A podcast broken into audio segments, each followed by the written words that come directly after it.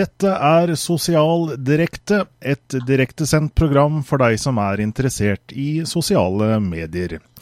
Programmet lages av Morten Myrstad og meg selv, Jan Espen Pedersen. Og til å hjelpe oss under sendingen har vi Jannicke Vindnes Karlsen. I kveld så skal vi bl.a. snakke om Twitter, og vi får besøk av Cecilie Staude og Jørn Kippersund. Og litt senere i sendingen så skal vi snakke med Anton Hagberg, sjefen for komplett.no. Så mye å glede oss til i kveld, Morten. Ja, dette blir spennende. Vi er kjempeheldige med at folk faktisk stort sett sier ja til å komme på besøk hos oss, så det er fantastisk moro. Absolutt. Det er jo egentlig over all forventning, så det, så det, er vi jo veldig glad for. Og det er jo på en måte mye motivasjon for oss også å lage denne serien. Samt, samt eh, selvfølgelig feedback fra våre seere. Eh, ikke alt er like positivt. Eh, vi i Sosial Direkte vi markedsfører oss kun via sosiale medier. Og foran dette programmet så kan det virke som noen Google Pluss-følgere har synes vi har vært litt pushy. Ja, altså disse forskjellige kanalene, Twitter, Facebook, LinkedIn, Google de, de har jo litt forskjellige egenskaper. Uh, og vi tester dem jo faktisk litt ut, uh, også for å kunne formidle den kunnskapen tilbake til seerne. Uh, Facebook fungerer veldig bra i veggen. Den har i øyeblikket en eventfunksjon som ikke engasjerer så veldig mye. Twitter, der fungerer hashtaggen meget bra. Det vi har oppdaget, er jo at Google Plus har en veldig aktiv og engasjerende eventfunksjon. Så den har vi tatt i bruk. Og så kan det hende at noen av våre venner da, har invitert eh, noen flere enn de kanskje skulle. slik at noen som ikke er interessert, har fått en invitasjon. Men det er jo egentlig ganske greit å kunne komme seg unna det, Jan Espen. Det er, noen korte innstillinger, så kan man slippe det. Ja, det, altså, det, er jo greit også å kjenne til selvfølgelig disse innstillingene i Google+. Jeg vet noen er plaget av f.eks. det at invitasjoner går rett inn i kalenderen deres for de som bruker eh, Google sin kalender. Og Det er default-settingen som Google har satt, og det er, litt, det er, en uting kanskje fra Google sin side. Men bare man kjenner til at det er en innstilling og man kan klikke det bort, så vil ikke det være en plage, ved mindre man ikke har svart ja på eventet iallfall. Eh, men uansett, eh, vi er direkte, og det muliggjør en kommunikasjon, en direkte kommunikasjon med deg som ser på. Og du kan altså bruke hashtaggen sosialdirekte for å nå oss eh, her i studio. Eh, enten om du har da innspill, kommentarer eller også spørsmål til våre gjester som kommer etter hvert her. Vi har også denne chatten under videoen som dere kan eh, mer uformelt eh, skrive. Vi skal prøve å følge med på den også, men skrive også Der er det gjerne diskusjoner mellom seerne, og det er mer som foregår der innimellom. Men, men Twitter det er i hvert fall der vi har hovedfokuset, og du bruker altså hashtag sosial direkte. En annen måte vi prøver å, å, være interaktive med dere seere på, er at vi har et spørsmål som vi stiller i hver sending. Og det vi spør om i dag, siden vi skal snakke om Twitter, det er hva tror du, eller hvor tror du Twitter er på vei? Twitter er i ferd med å styrke sin posisjon i forhold til andre sosiale nettverk. Twitter er i ferd med å tape terreng i forhold til andre sosiale nettverk. Eller du kan huke av for Twitter har en naturlig plass som et av de viktigste sosiale nettverkene. Så der kan du gå inn og stemme, så vil vi komme tilbake med resultatet i, mot slutten av sendingen.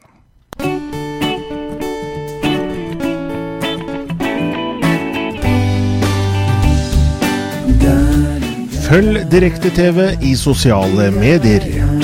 På Google pluss på Facebook og Twitter.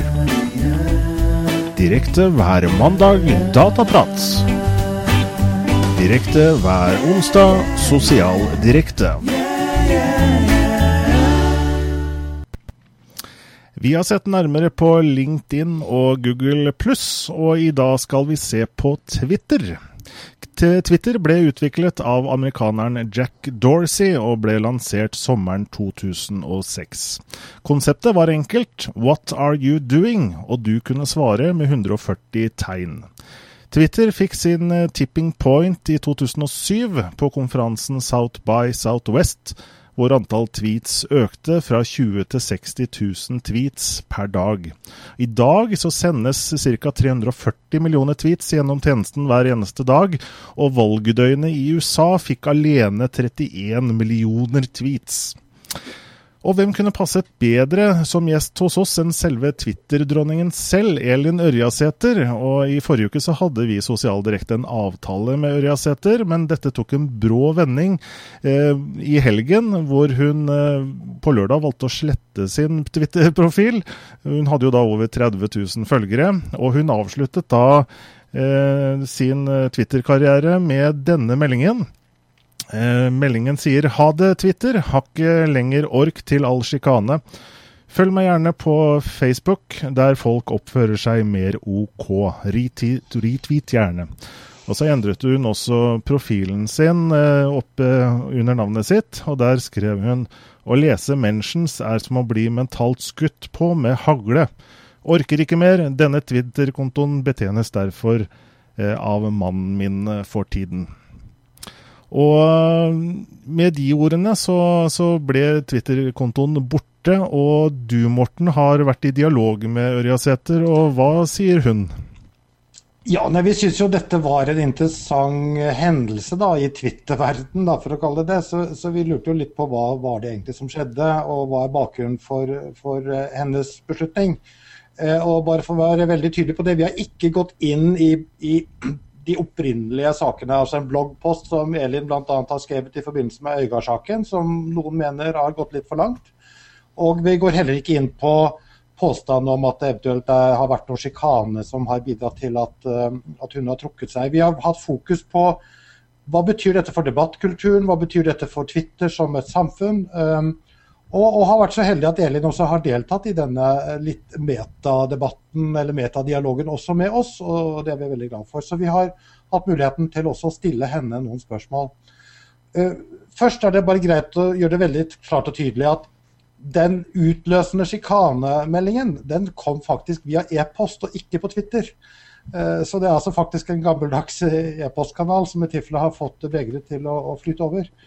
Eh, og Det andre poenget er at journalisten som eh, Elin Ørjasæter eh, møtte til debatt i ukeslutt forrige lørdag, heller ikke påstås å ha utøvet noen form for sjikane. Der er det en helt vanlig kritikk som Elin mener at en samfunnsdebattant som hun må tåle å, å møte. Men hun har reflektert litt da, over hva som kan være bakgrunnen her, og da skriver hun bl.a. til oss jeg skrev selv på Twitter at årsaken var sjikane. I ettertid tror jeg nok den dypere årsaken lå i noe helt annet. Informasjonsoverload. Altså for mye informasjon i mange kanaler på for kort tid. Og så beskriver hun da veldig tydelig i forhold til hva hun tror er utløsende i forhold til Twitter spesielt. For meg ble Twitter den største påkjenningen fordi Twitter handlet mye om meg som person. Både positive og negative kommentarer blir lett for eller mot Ørjas, når de skal formuleres på 140 tegn. Og så sier hun også da at I ettertid så tror jeg det var det totale trykket, mer enn spredte tilfeller av sjikane på mail og direkte tweets, som satte meg helt ut. Eh, så, så hun har altså reflektert litt da over, eh, over uh, hvordan hun har håndtert denne situasjonen, og hva som har bygget seg opp i forhold til det. Eh, akkurat nå så er altså denne kontoen eh, slettet, men det er slik med Twitter som det også er med en del andre sosiale nettverk, at du kan ha en angrefrist. På Twitter så er det 30 dager, så hun kan bruke den eh, til å vurdere hvorvidt hun allikevel vil fortsette sin konto. Så hvorvidt det er et Twitter-selvmord, som hun selv har brukt som uttrykk, eller om det er en Twitter-ferie eller Twitter-permisjon, det vet vi da i øyeblikket ikke. Men dette eh, hendelsen bidrar jo selvsagt til å påvirke litt hvordan vi kan sette Twitter på dagsorden i et program som dette. Eh, så, så, dette er ikke et program hvor vi lærer om hvordan vi skal annonsere på Twitter. Eh, nå har vi fokus på community, vi har fokus på bruk, vi har fokus på, på debatt, vi har fokus på samfunnet Twitter. Og en av de vi har invitert da, i, i, i samtalen her, er da Jørn Kippersund, som da er fastlege. Eh, som også har skrevet en meget eh, sirkulert eh, og delt bloggpost om gode Twitter-råd for nybegynnere. og som også jobber mye med, med å, å, å, få litt kontroll, eller gi råd, da, en metodikk for hvordan du skal få litt mer kontroll på det som kommer inn mot deg av informasjonsinntrykk, f.eks. den digitale veien. Um, og Jørn, um, hvordan er det? Uh, er det slik at man faktisk kan få information overload? Ja, det er, det er klart man kan. Er, vi kan på en måte ikke reflektere over mer enn én problemstilling av gangen. Og Hvis vi da bombarderes av så mange problemstillinger at vi ikke rekker over alle, så er det en form for informasjonsoverload. Så, så ja, det kan man få. Hvordan kan det slå ut? Er det både psykisk og fysisk? Ja, altså I det øyeblikket vi føler oss forplikta til å håndtere mer enn, klar, enn, vi klarer å håndtere, så får vi stress. Altså Stress det er tanken på uløste oppgaver. Og hvis, eh, hvis, vi har en masse informasjon vi tenker vi burde ha sett gjennom, håndtert, besvart osv., og, så og så får vi ikke gjort det, så utløses en stressrespons i kroppen. Og, og, Det starter jo egentlig som en psykisk reaksjon, men det kan fort vekk gi mer kroppslige plager. da, Vedvarende høyt stressnivå. Og Der har du utviklet en tjeneste eller en metodikk som du kaller for innbokskontroll, som kanskje kan hjelpe folk. Hva, hva, hva innebærer det? Det, det, første steget i innbokskontroll det er jo å definere sine innbokser. Altså hvor kommer mine uløste oppgaver? Og Siden vi snakker om Twitter, da, så er jo jeg veldig tydelig på at for meg så er ikke Twitter en innboks. Det er ikke et sted hvor jeg føler meg forplikta til å håndtere verken alle mentions eller alle hashtagger som omhandler ting jeg interesserer meg for. Eh, F.eks. Det er et bonussted der jeg henter informasjon når jeg syns jeg Eh, har lyst eller trenger det, og hvor jeg deltar i diskusjoner når jeg har tid og kapasitet og lyst. Men eh, jeg er påpasselig med å ikke tenke at jeg skal få med meg alt. Så jeg ser ikke på Twitter som en innboks. Eh, det er et bonussted for informasjon på linje med avisen om morgenen. Men kanskje andre har et litt annet forhold til Twitter enn det du har. Hva er det som du tror særpreger plattformen og communityet kontra andre sosiale nettverk, akkurat i forhold til de tingene vi snakker om nå? Nei, det er klart Twitter har, er veldig raskt. Det et utrolig raskt medium. Og det at jeg har denne begrensningen på 140 tegn, det gjør at det veldig ofte blir spissformuleringer. Og den kombinasjonen, å få da en negativ tilbakemelding f.eks., som er veldig spissformulert, og som kommer sånn veldig kjapt tilbake, det, det, kan være krevende å håndtere for de som stikker seg fram og, og har sterke meninger, slik som Elin Øyrasæter har gjort. Eh, generelt sett så er jo skriftlige medier overvurdert, vil jeg si, i forhold til å føre diskusjoner der man er veldig uenig. Og Når du da i tillegg har den begrensningen på 140 tegn, og i tillegg har et veldig høyt tempo, så, så tror jeg man bør være klar over de de klare begrensningene det gjør i forhold til å ha en saklig og god diskusjon. Ok, Vi har også en gjest eh, til med oss her i dag. Eh, Cecilie Staude, du er uh, høyskolelektor på BI. Og da jobber du uh, både med å undervise og du jobber med å forske uh, på sosiale medier da primært. Hei og velkommen til oss. Takk for at jeg fikk komme. Det vi lurer på da er, i din verden der du på en måte både underviser og jobber, kjenner du til dette information overload-problemstillingen? Ja, altså det begynte vel for uh, halvannet år siden. Jeg tror det var et av de første blogginnleggene jeg skrev på bloggen. Uh, det handlet om nettopp det uh, fenomenet som også Elin nå er en del av. Da. Dette med digitalt selvmord, eller at man tar en sosiale medier-diett eller noe sånt noe. ofte da som et resultat av at det blir for mye å forholde seg til. Det, jo, det, det Elin eh, snakket om innledningsvis, er jo én side av det. Altså de utfordringene som man har i et medielandskap uten lover og regler for hvordan du skal oppføre deg kan jo resultere i um, negative kommentarer, hets og sjikane, som hun tydeligvis da har opplevd, og som veldig mange andre også opplever, som gjør at man blir sliten og ikke orker å forholde seg til det. Det er én eh, utfordring og én side av den saken.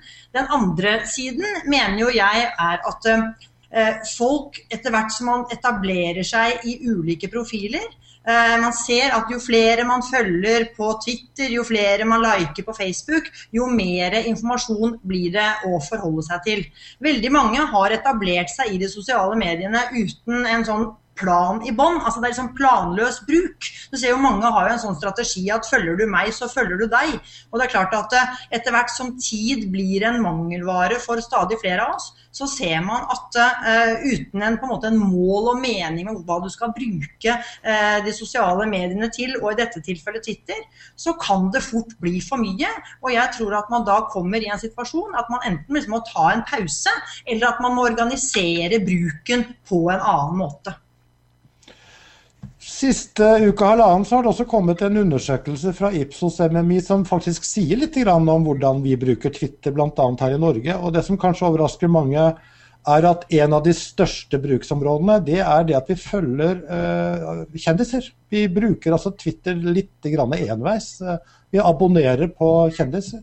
Er det overraskende, Cecilie? Nei, egentlig ikke. Og det belyser jo bare én side av det. Altså, vi vet jo også at uh, Twitter nå er blitt en mer, mer, attraktiv kanal også for unge. Eh, dette har jeg ikke noe forskning på, men jeg vil tippe at for mange av de unge, den yngre generasjonen, så er det kult å følge kjendiser.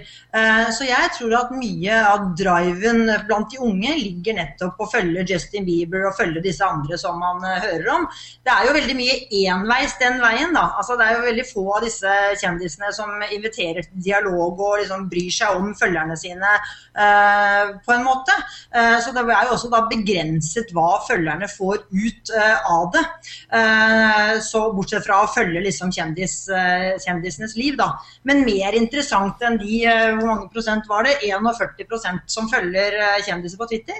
Syns jeg det faktisk er å se på de andre eh, prosentene, som viser at det er stadig flere av oss som bruker sosiale medier på andre måter. Vi de blir altså, Kikkerne, altså de som er passive observatører, da, som kanskje mange av de som følger kjendiser er, fordi at når de ikke inviteres til en dialog, så blir de også passive.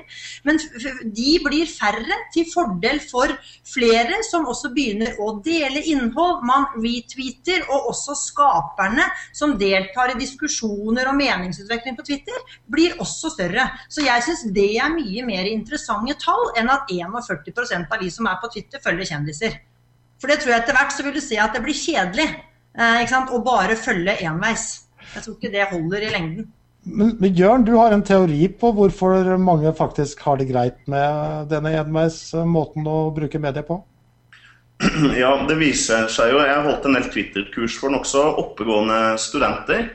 Og de sliter. De har kanskje vært på Twitter relativt lenge, men de opplever det som kaotisk i, i nyhetsstrømmen. Og, og, da er det på en måte trygt og greit å følge et knippe kjendiser som, som sikrer dem en, en verdi, selv om det som Cecilie sier kan oppfattes som kjedelig. Så, så, gir det mening å følge disse kjendisene fordi de er så interessante i kraft av å være de de er. da. Altså, det er veldig interessant når Barack Obama skriver 'four more years', så er det faktisk veldig artig å se. Og, og, og se det bildet han har valgt til å illustrere de ordene med, selv om selve innholdet er jo ikke veldig revolusjonerende eller nytt eller noe som helst, så, det, så, gir det en verdi å på en måte leve seg inn i hva akkurat den kjente personen uh, sier. Og, og, da slipper de på en måte å delta som aktører. For jeg tror veldig mange har rett og slett litt prestasjonspress i forhold til å gå ut og være aktive aktører i et sosialt medium som Twitter er. da. Men hvis vi forlater kjendiser et lite øyeblikk, da, Cecilie. Hva, hva, på hvilke andre måter kan Twitter være et nyttig eller bra verktøy? Jeg tror at for det første, altså, Jo mer du bruker de sosiale mediene, og i dette tilfellet Twitter, jo, mer, eh, vil, jo, jo, jo, lettere vil du se hvilken nytteverdi det har. Så jeg er helt enig. Det kan ha en hensikt å følge personer passivt i en periode for å lære litt mer om hvordan det skal eh, brukes. Eh, men jeg tror jo at etter hvert som man da knekker den koden som jeg mener man må knekke for å bruke Twitter på en god måte, eh, så vil du se at Twitter kan være unike eh, verktøy. Altså det kan være unike læringsverktøy. Jeg ser bare på meg selv. De jeg har en slags plan i bånn på min egen Twitter-bruk, eh, som gjør at jeg tilføres kunnskap altså fra andre hver eneste dag, som jeg har med meg inn i klasserommet, som jeg tror gjør at studentene opplever at jeg har med noe i tillegg. Så læringsverktøy verktøy eh, som eh, man kan diskutere. Vi ser jo også nå at det er eh, Twitter har jo også en dagsorden, dagsordensettende funksjon. Jeg var jo oppe på Blindern her for et par uker siden på Institutt for statsvitenskap og hørte på forskning fra en Rognstad, var det hun vel het, jeg husker ikke hva hun het til fornavn akkurat i øyeblikket. Men hun har jo da gjort en studie som viser at i ulike sammenhenger så har også Twitter en funksjon til å sette, sette dagsorden i tradisjonelle medier. Jeg, jeg, skal, eh, Morten, jeg skal bare fort eh, skyte inn og minne om at vi jo er direkte, for dere som i alle fall ser oss eh, direkte. Og da har dere muligheten til å stille spørsmål til våre glimrende gjester her, Cecilie Staude og Jørn Kippersund. Så skriv inn til oss, bruk hashtag sosialdirekte, og så skal vi prøve å ta med spørsmålet videre her til, til gjestene våre. Er det slik Cecilie, at etter hvert som Twitter øker sin utbredelse, at den på mange måter er i ferd med å bli variert da, i forhold til hvordan man bruker plattformen? Altså Man bruker begrepet Twitter community, kanskje Twitterverse osv. Er, er det en fiksjon? Altså Bruker vi egentlig eh, Twitter på helt forskjellige måter, helt avhengig av hvem vi er og hvilke interesser vi har? Ja, jeg tror det er ganske riktig, for det er ikke én måte å bruke Twitter på. Altså, Du kan ikke slå opp i en bok og lese 'sånn bør du bruke Twitter'. Eh, ikke sant? Du må bruke Twitter på din måte. Altså, Du må finne din form eh, innenfor din egen komfortsone. Eh, det jeg tror er viktig, og det som jeg også bruker veldig mye tid på å snakke med studentene mine om da, når jeg skal lære dem på en måte god bruk, er jo da å ha en slags plan i bånn. Det behøver ikke være noen svær strategi, men ha en slags plan i bånn på hva du eh, ønsker å bruke Twitter til. Det legger føringer både på hvem du følger og hvordan du selv skal bidra, og det tror jeg gjør det veldig mye lettere for deg. For jeg tror det handler om, ikke sant? Skal du være interessant å følge, eh, så må du være relevant. Og jeg tror det kommer til å bli viktigere og viktigere. De som bare, bare mener eh, mye om alt mulig hele tiden, jeg tror at eh, de etter hvert kommer til å bli, bli uinteressante, til fordel for de som har noe på hjertet som er litt mer planmessig. da. Jørn, du har uh, blogget en bloggpost for halvannet år tilbake som vel er rettet inn mot nybegynnere på sett og vis eh, på Twitter. Hva er de viktigste rådene og tipsene du gir i den bloggposten? Nei, det, det viktigste er, syns jeg selv, er at man skal ta seg ordentlig ut før man begynner å gjøre seg kjent på Twitter. Altså Mange lager en profil uten profilbilde og uten fornuftig bio, og så begynner de å følge folk. Og Da får de jo veldig lite følgere tilbake. Og, Det å få en del følgere tilbake er jo en del av gevinsten i Twitter. altså det å, det å ha folk å kommunisere med og ha en dialog med.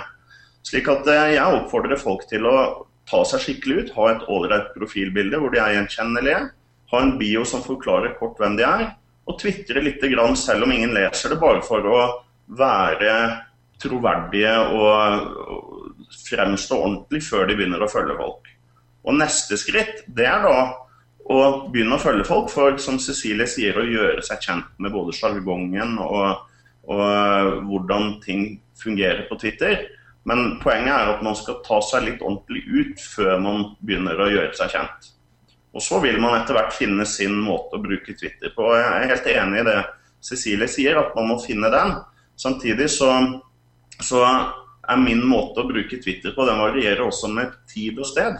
Altså Når det er store hendelser f.eks., så syns jeg det er veldig ålreit å gå inn i den store strømmen av de 2000 jeg følger. Mens på det jevne så, følger, så er jeg mer fokusert på lister og på spesielle søkeord. Så jeg bruker det forskjellig fra tid, tid og sted for meg selv også. Ved, ved, nyttår uh, Cecilie, så kommer jo du og Svein Tore Martinsen med en bok på, på kommuneforlaget. og Den handler vel bl.a. Om, om sosial kommunikasjon. Hvilken plass har Twitter i, i den boken? Twitter er jo en av, de, eh, en av, flere kanaler som vi eh, omtaler i den boken. Nå er ikke den noen bok egentlig som går på hvor vi forteller så veldig mye om de ulike plattformene. Det vi er opptatt av når det gjelder plattformer i den boken, er å synliggjøre at de sosiale mediene er på en måte bare et sekkebegrep for kanaler som i seg selv har liksom null verdi. For det er hva du putter inn i de kanalene av innhold eh, som avgjør hvor verdifulle de blir for deg. Så det vi fokuserer på mye i den boken, er å prøve å øke kunnskapsnivået om at eh, hver kanal har sine egenskaper, sine særtrekk. Og Det er viktig kunnskap å ha for å kunne være kanalunik. Det tror jeg kommer til å bli veldig viktig. Eh, enten du bruker sosiale medier som privatperson og ønsker å posisjonere deg din egen merkevare på nettet, eller du er en bedrift eller organisasjon eller en politiker eh, som ønsker å gjøre det samme. Vi ser jo en tendens til nå at folk poster det samme innholdet på flere kanaler, det vet vi som har vært der en stund, at det opplever som spam.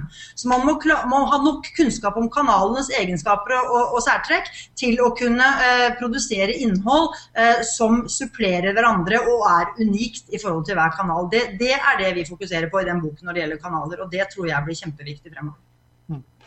Nå som da Twitter har eksistert i fem-seks år, det skjer veldig mye forandringer hos dem akkurat nå i forhold til samarbeid med andre plattformer, som vi har vært inne på her. Eh, det skjer mye i forhold til debattkultur. Hvor tror du Twitter er på vei hen da, Cecilie? Hva kan vi se for oss de nærmeste årene? Altså Twitter er, er, jo ikke noe folkekanal i dag, og kommer nok heller ikke sannsynligvis til å bli det, sånn som Facebook er. Men allikevel så tror jeg Twitter eh, vil være en viktig kanal i fremtiden. Og i hovedsak så tror jeg det, fordi at det er mange skapere på Twitter. Jeg tror man ser flere skapere, altså folk som produserer innhold og bidrar og deler og deltar. Jeg tror det er flere av dem der enn det man ser på de andre plattformene. Derfor så vil Twitter bli en viktig kanal, eh, eh, også for å sette dagsorden f.eks., som den studien fra Blindern viser. Og du da, Jørn, hva tror du om eh, Twitter de nærmeste par årene, og Twitter Community? Nei, jeg, jeg, tror kanskje, i motsetning til Cecilie, så tror jeg kanskje Twitter er på vei til å bli en folkekanal. Det ser man fra USA og England. Altså, eh, og jeg oppdaga til min store overraskelse, som Cecilie nevnte, altså de unge er på vei inn på Twitter for fullt. I, i fjor eh, så hadde vi en sånn episode ved ungdomsskolen her i Volda. Og alle elevene var plutselig på Twitter og fulgte det dramaet med egen hashtag da. Så jeg tror Twitter vil engasjere det man kan kalle folket i stadig større grad. Og Twitter er på mange måter så kaotisk for mange at de ikke føler det så forpliktende. Uh, og unngår da informasjonsoverload selv om det er vanvittig mye informasjon der. og det, det tror jeg mange føler en frihet i. Man er så å si litt anonym i mengden der. Og, eh, så jeg tror Twitter vil fortsatt øke. Og Hvis du da skulle gi et lite kort råd til de som er på vei inn på Twitter, da, hvordan skal de få mest mulig glede av denne plattformen? Nei, det må bli å lese min bloggpost, naturligvis. Men også vil jeg bare skyte inn, Det er jo ikke tilfeldig at verdens mektigste mann valgte Twitter som første kanal å, å meddele sin seier på, som han gjorde da i, i natt. Mm.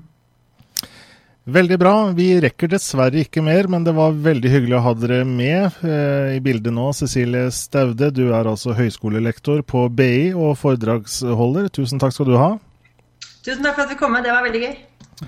Og takk til deg, eh, Jørn Kippersund. Du er ja, til daglig fastlege, men du er også foredragsholder og blogger, og du driver altså innbokskontroll.no.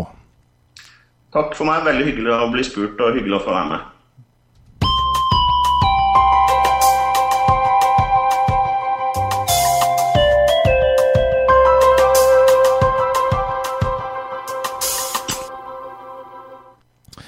Da skal vi snakke litt om hva som skjer akkurat nå i sosiale medier. Og Morten, du har vært på BI og fått med deg et eh, foredrag?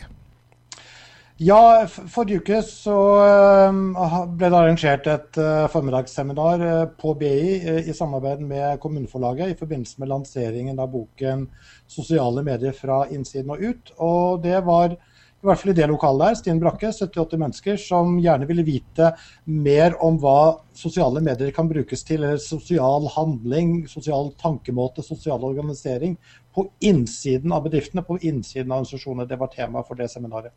Mm. Og de brukte også avansert teknologi. Ja, eh, eller er det kanskje ikke så avansert lenger? Nei, det var vel på sett og vis litt av det samme som vi holder på med her. Vi mm. bruker jo Google Hangout eller Skype eh, på når vi snakker med folk. Mm. Og der var det da altså foredragsholdere i Oslo. Eh, men de hadde også da, og de er da forfattere av boken, bare for å være veldig tydelig på det, som også da fortalte om, om sitt bidrag i boken. Mm. Eh, og så hadde de også da besøk fra Beta Trondheim. Eh, som da både har en aktiv blogg. Eh, I Trondheim kommune så er de veldig ivrige på å teste ut nye ting. Eh, de gjør det ofte de i, i, dette tilfellet så har de altså da eh, blitt broadcastet for så vidt da inn i det lokale på BI via Google Hangout. Og Da var det altså da Ingrid Fulli Eriksen og Terje Vullum som fortalte da via skjerm eh, hvordan de hadde organisert sosial samhandling på innsiden av, av Trondheim kommune. Mm. Um, så, så, sånn sett så var det både da teori og praksis på sett og vis i dette foredraget. Mm. Er det, er det, er det, Fungerte det greit, da, eller var, er, det, er det mye teknikk for å få dette til? Det er noen uh, små knep man må prøve å huske på. og I dette tilfellet så vil de jo gjerne vise både uh, de to fra Beta Trondheim og i tillegg slidesene. Så Derfor så måtte de ta en omstart og, og opp med en annen maskin, men det hadde var ikke noe problem for, for forsamlingen. De bare tok seg en ekstra kopp kaffe så, og pratet litt, så, så, så, var showet i gang igjen. Mm, mm. Andre ting. Eh, det har vært et foredrag i dag hos eh, Jeg vet ikke om det har vært hos IBM, men IBM har stått i fokus her i hvert fall? Nei, det, det, har vært i, i, Oslo, og det er ikke bare ett foredrag. Det er en hel dag da, som var satt mm. av eh, til temaer rundt Som er relatert da, til sosiale medier. Men da igjen sett fra bedriftenes side, hvordan de eventuelt da skal bruke og anvende sosiale verktøy. Og IBM ble nærmest en social business selv allerede for en to, tre, fire år tilbake hvor de gjennomgikk hele sin egen organisasjon for å prøve å finne ut hvordan kan de jobbe med produktutvikling, hvordan kan de jobbe med innovasjon, hvordan kan de jobbe annerledes i forhold til kundene sine. Eh, så Det er en viktig lærdom som IBM selv har hatt. Og så setter de det også på dagsorden i, i møte med omgivelsene. Eh, så i dag har det da vært en rekke foredrag eh, relatert til det temaet. Det har vært folk fra TV 2 som har fortalt om hvordan de bruker internett internt. Marius Eriksen fra Gelmed og Kise har eh, gitt sitt bidrag til hvordan han ser på social business. Eh, og det har vært en ganske aktiv tweet-strøm også fra, fra den konferansen. Mm. Eh, til andre nyheter. Facebook har, jobber nå med et redesign av, av websidene sine. Timeline vil komme til å se litt annerledes ut, Morten? Ja, altså For um, drøyt et år siden så hadde jo da Facebook og Mark Zuckerberg i forbindelse med F8, altså en utviklerkonferanse, så lanserte de to-tre store nyheter. Det ene var Timeline, uh, hvor du da kunne på en måte bygge inn din egen historie uh, langt langt bakover i tid. Men hvor den også hadde et annet grafisk brukergrensesnitt med da to spalter. Uh, og det er også andre ting eh, rundt denne lanseringen som var sentrale, bl.a. dette med, med, at du kan få en feed fra når du lytter på Spotify eller andre typer ting, at det forplanter seg inn i feeden din. Men det de nå tester, er egentlig da en mer tradisjonell layout, da, for å kalle det, hvor, hvor det er en tydelig, mer tydelig uh, hovedspalte, som da er bredere. Uh, og mange vil jo kanskje si hvorfor har de ikke gjort dette før? Fordi at Problemet for mange har jo nettopp vært å navigere mellom de to veldig like og udisponerte uh, spaltene. Mm. Så, uh, men, men, som Facebook ellers gjør det, de tester ut. De får tilbakemelding der og da på en måte for, for, forhold til hvordan de brukerne som er utsatt for testen, reagerer. Og så får vi se om de ruller den ut eller ikke. Mitt tips er at de ruller den ut. Mm. Eh, en utfordring er jo å lage et grensesnitt som oppleves likt, enten om du er på web eller mobil. På mobil så har du gjerne bare én spalte, og, og, hvis du da går til web, så bør jo ikke det se helt annerledes ut, kanskje? Nei, og det er jo sånn sett egentlig en forklaring på at uh, mobil var ikke høyt nok prioritert i Facebook uh, i fjor høst, i mm. september, når de kom med Timeline. Men de har ettertrykkelig blitt etterlyst uh, gode mobile svar utover vinteren og våren og sommeren, bl.a. fra aksjemarkedet. Så at denne endringen også vil gjøre at brukergrensesnittet på desktop og på mobile plattformer blir litt mer likt, det tror jeg også vil være tilfellet. Mm.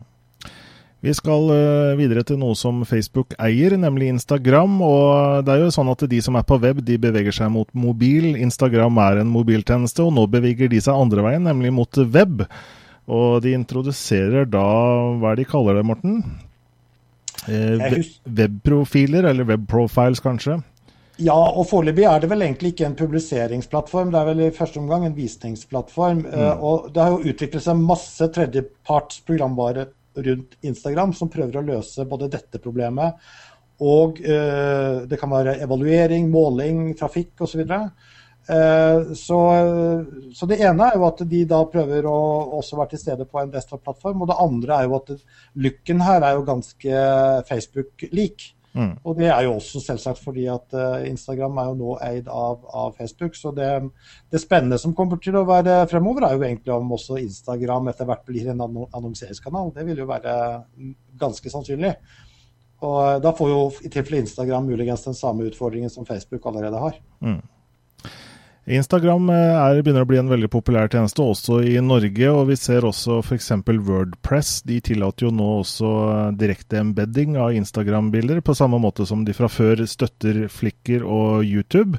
Og det sier vel litt om hvor, hvor anerkjent denne Instagram-tjenesten er. Og for Wordpress så er det jo viktig. Det er altså dette med, med Instagram, Twitter, blogging. Dette henger jo ofte sammen for mange.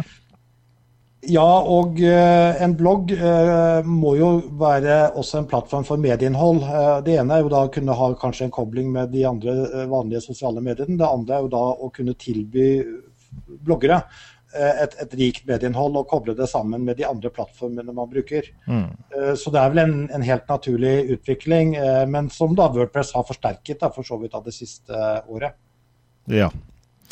Og eh, Instagram har blitt så store at Twitter ser vel det som en eh, konkurrent etter hvert, i forhold til eh, bilder som ofte linkes til fra, fra Twitter. Og de, de, kommer vel nå med en slags en forbedret utgave. De, de støtter jo foto fra før, men de kommer nå med en, med en ny funksjon her. Ja, det sies at de i hvert fall skal komme med å lansere muligheten da, til å legge filter da, på bildene. Og, og, og, hvorvidt det kommer til å bli like bredt og like variert som det Instagram allerede har, det er ikke godt å si. Men, men det er nok et uh, trekk i, i, rekken av trekk fra Twitter sin side på å styrke sin egen plattform. Ikke send folk ut av Twitter, sørg for at folk holder seg på Twitter. Mm. Uh, og, og, Det er da tilfellet når det gjelder tekst, det er tilfellet når det gjelder samarbeid på andre områder, og nå da også på bilder. Mm. Så, uh, men hvorvidt de vil lykkes, det er jo et annet spørsmål. Instagram har jo allerede nå over 100 millioner brukere. Og det sies jo faktisk at i USA så bruker jo folk mer tid på Instagram per dag enn det de bruker på Twitter. Mm. Så, uh, så, konkurransebildet har jo blitt ganske mye tøffere også for Twitter. Mm. Og Twitter de har også lansert nå De har jo disse nyhetsbrevene som kommer er det en gang i uka, som gir en slags oppsummering i forhold til det, de du følger. da, sånn at Hvis ikke du er på Twitter hele tiden, så skal du få en slags oppsummering av de viktigste sakene. Og nytt nå bare for noen dager siden så er at du kan nå få det hver eneste dag. Ja, Vi burde kanskje fortsatt hatt Jørn her for å sjekke er det en god innbokskontroll eller er det ikke. Å mm. få den hver dag eller få den hver, en gang i uka, eller skal du ha den hele tiden. Det, så det blir vel opp til den enkelte da, hvordan man vil kanskje forholde seg også til Twitter etter hvert. Ja. Og Jørn nevnte, nevnte, altså denne valgnatten og denne tweeten fra Barack Obama. og Vi har den jo selvfølgelig her. da. Eh, four more years og et uh, bilde som, som, sier mer enn 1000 ord, kanskje. Eh, og 726 191 retweets, du. Ja, og det tok bare 22 minutter før den hadde blitt verdens mest tweeta post. Eller retweeta post. Eh, og den som Obama slo, det var da Justin Bieber. Eh, så det sier kanskje også litt om hvor variert eh, denne plattformen kan være.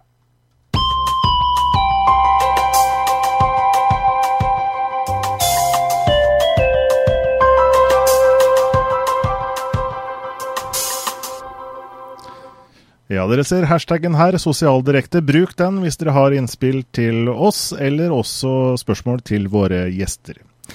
I Sandefjord så holder komplett.no til, og Komplett er Norges største nettbutikk og tilbyr et bredt produktutvalg innenfor datakomponenter og forbrukerelektronikk.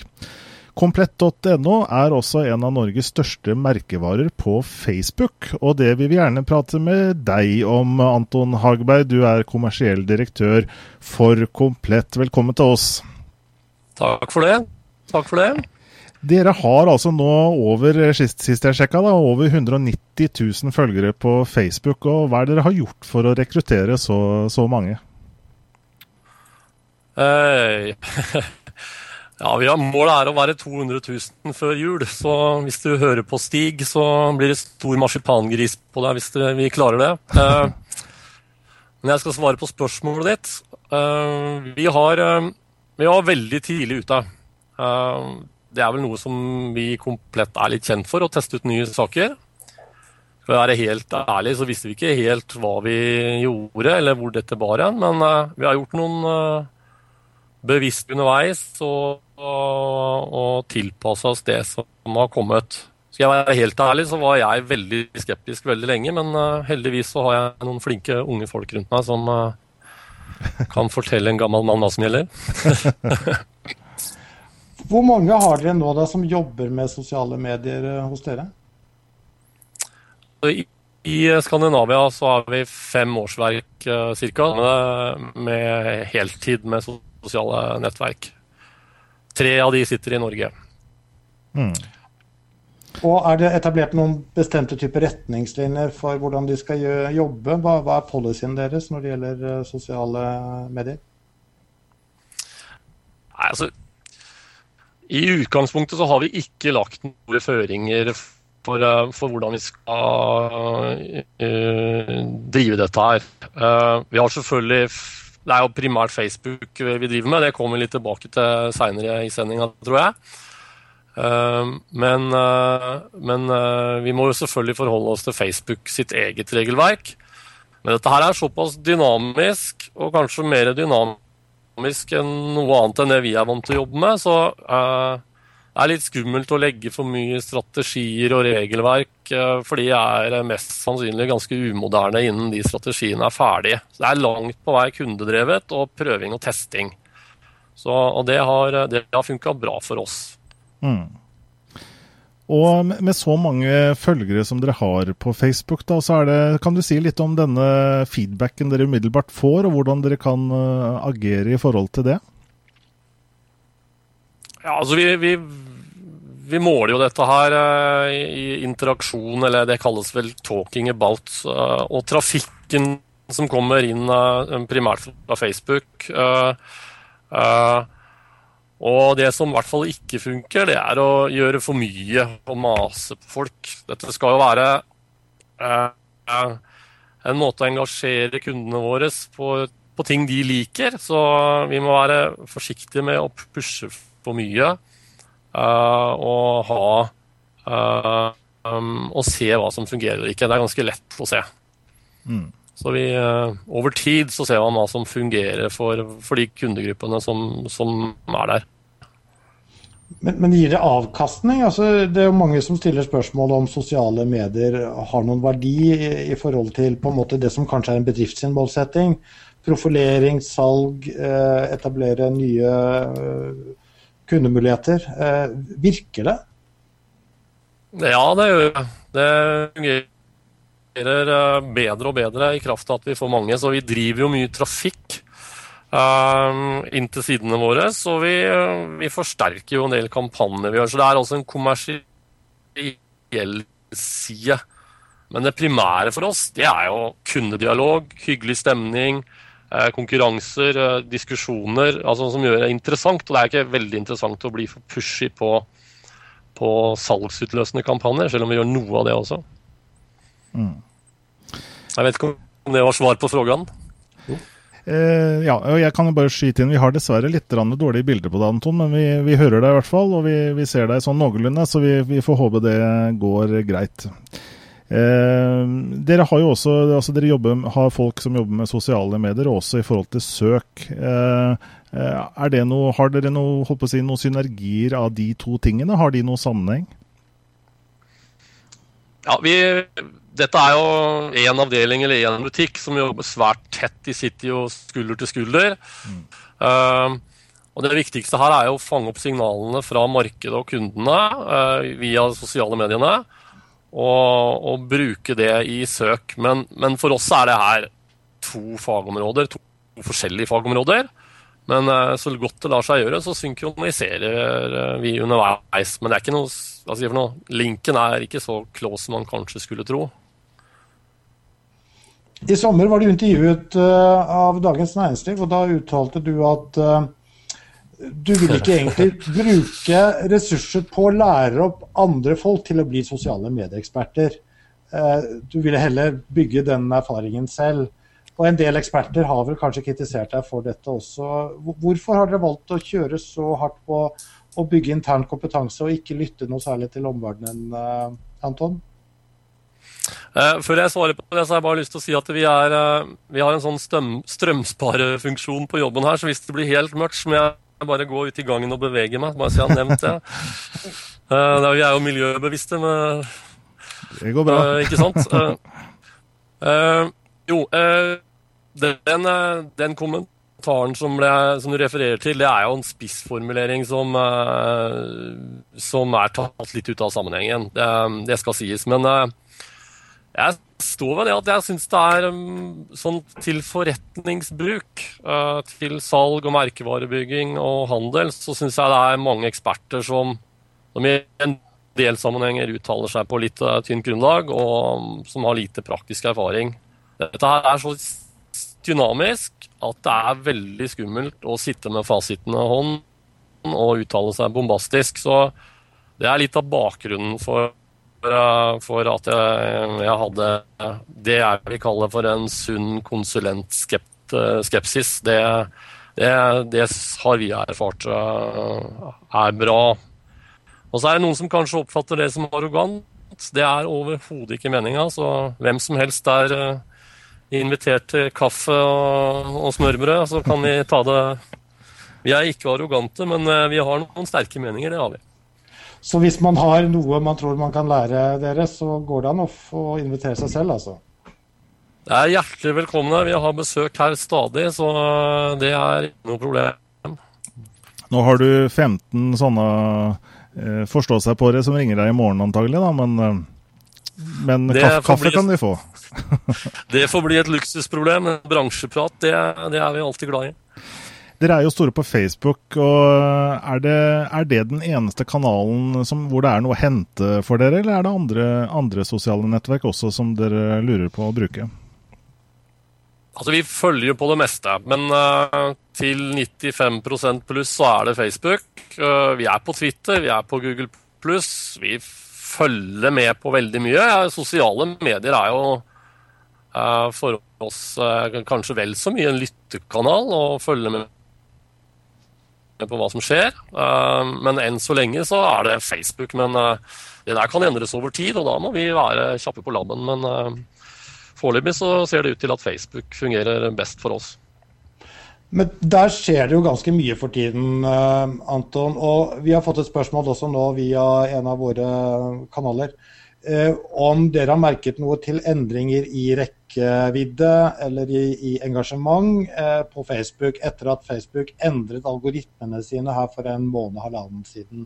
Det er mange som påstår at eh, tallene har gått ned med både 50 og 60% og at dette på en måte er begrunnet i at man skal få flere folk til å annonsere. Men har dere merket noen endringer i, i, i hvor stort engasjement og hvor stor rekkevidde det er på postene deres? Nei, det har vi absolutt ikke. Så det kjenner vi oss ikke ned. Eh, jeg må kanskje dukke enda mer ned i tallene sammen med ekspertene mine, men eh, jeg kjenner meg ikke igjen i det. Det er kanskje ikke så synlig heller. Når man har 190 000 følgere, så er det alltid noen som liker og, og kommenterer. Når man føler at det er mange som ser på uansett. Men dette med blogging, det er flere og flere firmaer som begynner å blogge nå. Håpa har lansert sin blogg. Er det, Så vidt jeg vet, så har ikke komplett.no noen blogg. Er det noe som har vært et tema hos dere? Du pirker nok litt i vår dårlige samvittighet her, for det, det burde vi nok absolutt hatt. Vi har diskutert veldig mye og gjort altfor lite, så dårlig samvittighet der altså. Men skal vi gjøre det, så må det være med veldig høy kvalitet og relevans. Og det har ikke vi satt av nok ressurser til å gjøre helt enkelt foreløpig. Men kanskje det blir neste neste punkt på agendaen på neste møte. Hva med ansatte? Altså, nå har vi snakket om på en måte hvordan dere driver Facebook rent profesjonelt, men dere er jo en stor organisasjon og sikkert mange unge medarbeidere, folk som er vant med å forholde seg til, til teknologi av ulike slag. Uh, har dere noen regler for hvordan ansatte kan bruke sosiale medier? Et lite øyeblikk, da gikk lyset. Ja. Et lite øyeblikk. Så, sånn er det. Det er, veldig, det er i hvert fall et bevis på at Komplett er miljøbevisste. Da, at ikke det står på døgnet rundt der. Sånn sett er det jo real time TV, det må man jo kunne si da også. Um, uh, Definitivt. Vi er, vi, er, eh, vi er, live, og det muliggjør også spørsmål fra dere som ser på, hvis dere har spørsmål til, eh, til toppsjefen i komplett.no, altså Anton Hagberg, som vi har med oss her. Du får kanskje gjenta spørsmålet, Morten? Ja, det gjaldt altså det vi har snakket om så langt, er på en måte komplett som avsender for kommunikasjon, da, for å si det sånn. Eh, hva med de ansatte? Har dere noen retningslinjer for i hvilken grad de kan bruke sosiale medier på, i arbeidstiden? Altså jeg, jeg, husker jo med gru eh, tidlig 90-tallet hvor arbeidsgiverne var veldig engstelige for at folk skulle ha med seg å bruke mobiltelefonen på jobb. Mm. Og jeg syns på, på, mange måter at uh, dette her ligner mye på, på, det. Altså, sosiale medier er kommet for å bli. Uh, vi er ganske fleksible, og, men vi oppfordrer selvfølgelig alle til å bruke sunn fornuft og ikke la det gå utover produktiviteten for øvrig. Uh, men det er jo mange av oss som bruker dette her i jobbsammenheng, så vi er, uh, vi er veldig fleksible på dette. her. Altså, Når folk bruker sunn, sunn fornuft, så er ikke dette her noe problem.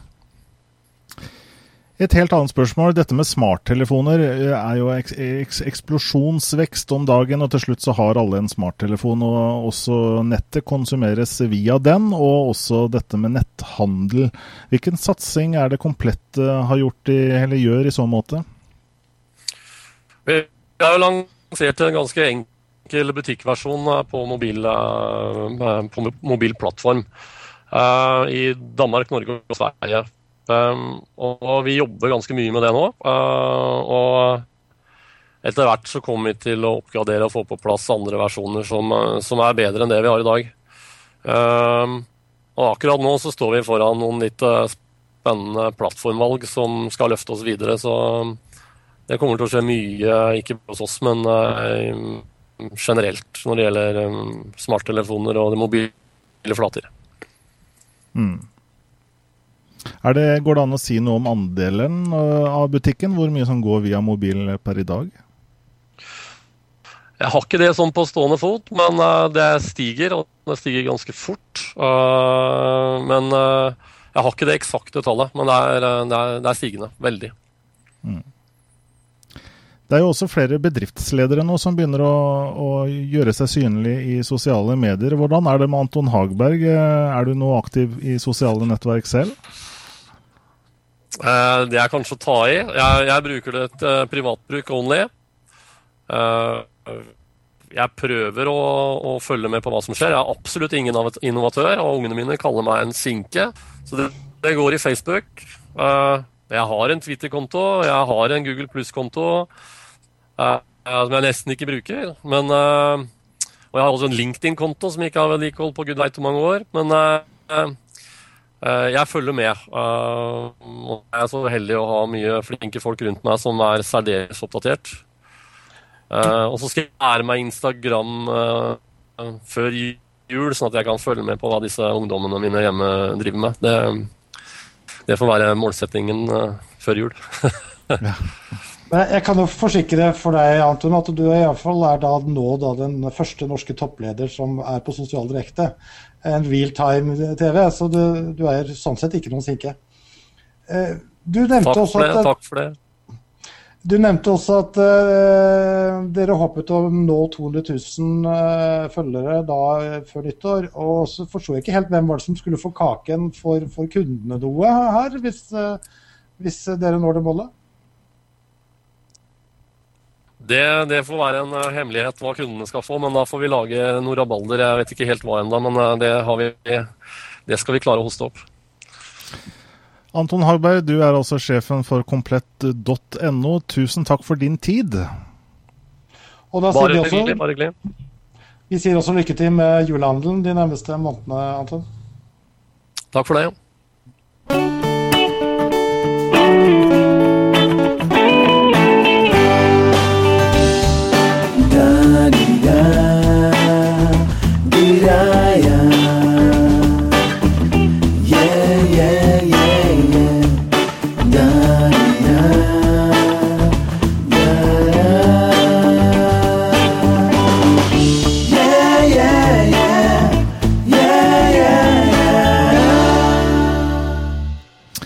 I starten av programmet så snakket vi om, eller vi stilte spørsmål, og det var rett og slett hva du tror, eller hvor du tror Twitter er på vei. Og vi skal se om det er noen som har svart på det. Eh, her er det 20% som sier at eh, Twitter er i ferd med å styrke sin posisjon. 33,3% sier at Twitter er i ferd med å tape terreng i forhold til andre sosiale nettverk. Og ja, hele 46,7% sier at Twitter en naturlig, har en naturlig plass som et av de viktigste sosiale nettverkene. Kommentar til, eh, til det, Morten? Ja, det er vel ikke, egentlig kanskje ikke spesielt overraskende. Vi vet jo da fra disse andre tallene fra Ipsos MMI også at bruksområdet for Twitter er eh, økende i bredden, også i alder. Ehm, så at det er en plattform som også skiller seg foreløpig veldig betydelig fra type plattformer som LinkedIn, som, som uh, Google pluss, som Facebook. Um, så det store spørsmålet er på en måte vil Twitter om to år også være Twitter, slik vi kjenner det? Uh, og hvordan vil brukerne forholde seg til det? Mm. Vi går mot slutten av programmet. Vi skal se litt på programmet fram mot neste sending. Hva som skjer rundt i Norges land, for den del Sverige og Danmark også. Vi har jo seere derfra. Men uh, vi har vel et par saker som skjer i Norge. Bl.a. annet HM-akademiet i morgen. Det skjer i Hamar. Hva er det for noe, Morten? Det er et eh, lokalt nettverk av folk som jobber da i, i mediebedrifter på Hamar. Eh, og de har satt sammen da, et arrangement med toppfolk. Eh, Bl.a. Stein Arne Nistad, som vi hadde besøk eh, av her for eh, et par programmer siden, som jo nettopp har skrevet en bok 'Katten i treet hvor skal jeg gå?' Mm. Eh, Ole Petter Nyhaug, eh, trendforsker og foredragsholder. Eh, veldig morsom å høre på. Og, og, inspirerende og veldig faglig dyktig i tillegg, er med. Og også Svein Tore Martinsen, som da skriver bok sammen med Cecilie Staude, som vi har hatt besøk av her i kveld, er også med på det arrangementet. Så det ser ut til å bli eh, god innsikt å få for de som deltar, deltar der. Mm. Og så eh, i eh, hva blir det neste uke, 13.11, så er det noe som heter Nordic Startup Award. Ja, det er også en slags teknologikonkurranse, for å kalle det det. Man kan stemme, og så eh, bære det frem mot en, nordisk, en norsk finale, tilsvarende i de andre nordiske landene, og så mot en nordisk finale. Og eh, Vi hadde jo besøk av Olav Eggum fra Fanbooster. Fanbooster er da ett av selskapene som eh, er nominert og er i, er i finalen. Og Det som er litt morsomt, da, er jo faktisk at det er ganske mange programvarer og løsninger og teknologier her som har en sosial dimensjon. I tillegg til Fanbooster så er det Symphonical, som er en, et slags prosjektverktøy som du bl.a. kan bruke i eh, Google. Mm. Eh, du har Company Book, som er et sosialt business-to-business-nettverk med en norsk eh, som er etablert og startet i Norge, men som har egentlig hele kloden som sin, uh, sitt mål, målbilde. Det er Like and Share, som jobber med, med, sosialt vareprat. Det er Taxibeat, som er en app for, i forhold til uh, taxi, men hvor du også da kan legge igjen da anmeldelser i forhold til hvordan uh, en taxitur har vært, eh, og, og, som da også da spres sosialt til andre brukere av de samme tjenestene. Det er også en finansiell aktør, Northzone, som er da et ventureselskap. Og de er nominert da fordi at de bl.a. har investert i en del eh, spennende digitale og sosiale eh, verktøy, bl.a. da Spotify, hvor de var en av de første investorene som gikk inn. Mm. Så det, det, det det er faktisk breiere og mer interessant enn jeg trodde. Vi hører veldig mye om, om, Silicon Valley og vi hører veldig mye om hva som skjer i USA. Eh, men det er faktisk tegn som tyder på at det spirer her også. Mm. Morsom kommentar fra, fra, chatten her. Skulle nesten tro de som var nominert, eh, at de var nominert etter å ha deltatt på direkte-TV. Vi har jo snakket med noen her tidligere. Foreløpig er det vel bare fanbooster. Vi hadde Symfonical i en helt annen sammenheng i sommer. Ja. Eh, så, men, I regi av direkte-TV i hvert fall. Det kan du si. Eh, og eh, vi håper vel også at vi kommer til å få besøk av noen av de andre etter hvert. Definitivt. Det skjer altså 13.11. Og du som ser på, har du innspill til oss, eh, tips til saker, så send oss gjerne en e-post. Sosialdirekte, krøllalfa direkte.tv bruker du da. I studio, kommunikasjonsrådgiver i Kontekst, Morten Myrstad. Og jeg selv er Jan Espen Pedersen. Tusen takk også til Jannike Vindnes Karlsen, medievitteren i Bergen. Og ja, vi er tilbake om en uke. Klokka 21.00 på direkte.tv.